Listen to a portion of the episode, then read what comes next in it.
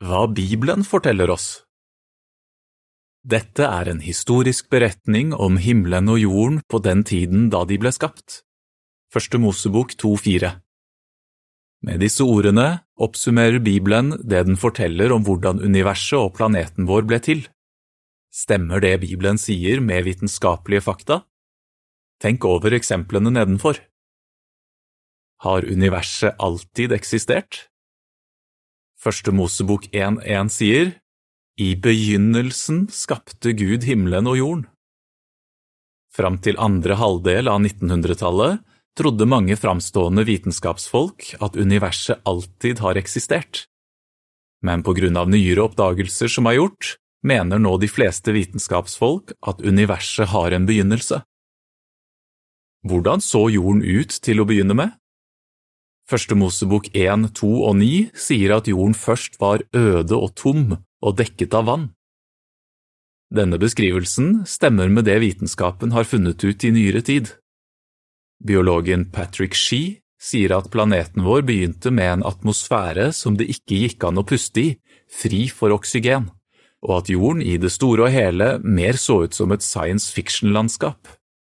Bladet Astronomy sier Nyere forskning tyder på at jorden til å begynne med var en vannverden, med lite eller ikke noe land i sikte.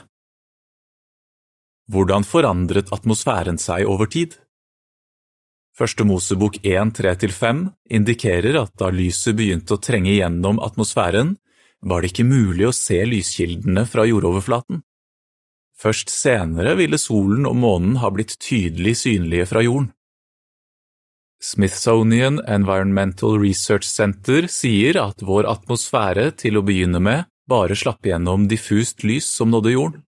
Senteret sier metandråper i luften gjorde at den unge jorden var omgitt av en global tåke. Senere klarnet metantåken, og himmelen ble blå. I hvilken rekkefølge oppsto livsformene på jorden? Første Mosebok 1, 20–27 sier at det ble skapt fisker, fugler, landdyr og til slutt mennesker. Forskere mener at de første fiskene kom lenge før de første pattedyrene, og at menneskene kom mye senere. Hva Bibelen ikke sier Noen hevder at Bibelen ikke stemmer med nyere vitenskapelige oppdagelser, men de som mener dette, har i mange tilfeller misforstått det Bibelen egentlig sier. Bibelen sier ikke at universet eller jorden bare har eksistert i 6000 år.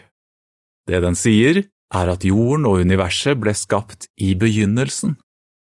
Bibelen sier ikke noe om hvor lenge dette er siden.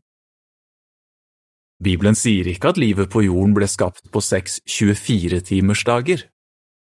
Ordet dag i Bibelen kan sikte til en lang tidsperiode. For eksempel sier den at skapelsen av hele universet deriblant det som skjedde på alle de seks skapelsesdagene sett under ett, fant sted på den dagen da Jehova Gud skapte jorden og himmelen. Første Mosebok 2,4 Fotnote Jehova er Guds navn ifølge Bibelen. Avsnittet fortsetter. Så hver av de seks skapelsesdagene da Gud la forholdene til rette for liv på jorden og skapte liv på den, kan ha vært ekstremt lange tidsperioder. Bibelen sier ikke at livsformene ikke kan gjennomgå forandringer over tid. Ifølge Første Mosebok skapte Gud dyrene etter deres slag. Første Mosebok 1.24 Ordet slag her er ikke en vitenskapelig betegnelse, men ser ut til å ha en videre betydning enn ordet art. Med andre ord kan det være at ett slag omfatter mange arter eller underarter. Denne ordlyden gir rom for at arter eller underarter innenfor et slag kan forandre seg over tid. Hva mener du? Som vi har sett, beskriver Bibelen på en enkel og nøyaktig måte universets begynnelse, jordens opprinnelige tilstand og den rekkefølgen livsformene oppsto i.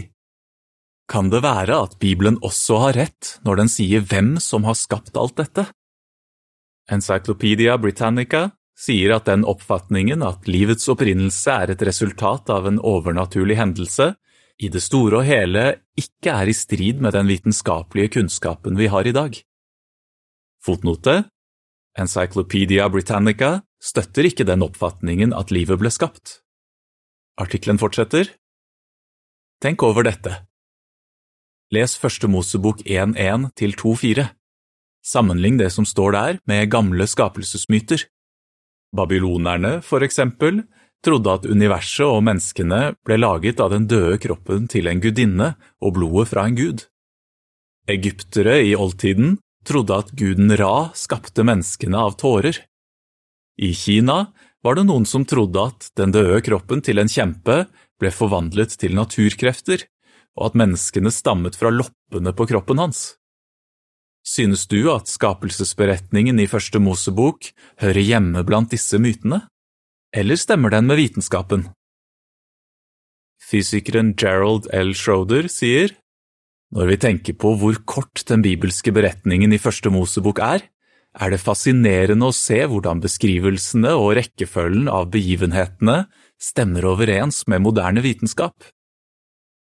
På sidene 10 til 13 ser vi en kunstners framstilling av Bibelens skapelsesdager. Bildetekst I begynnelsen Universet og jorden blir skapt. Første dag Diffust lys trenger sannsynligvis igjennom jordens atmosfære. Andre dag Jorden er dekket av vann og et tykt teppe av damp.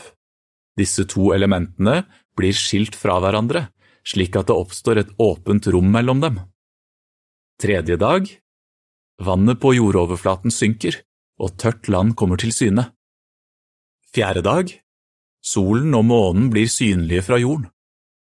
Femte dag Gud skaper vannlevende skapninger og flygende skapninger som kan formere seg innenfor sitt slag. Sjette dag Det blir skapt store og små landdyr.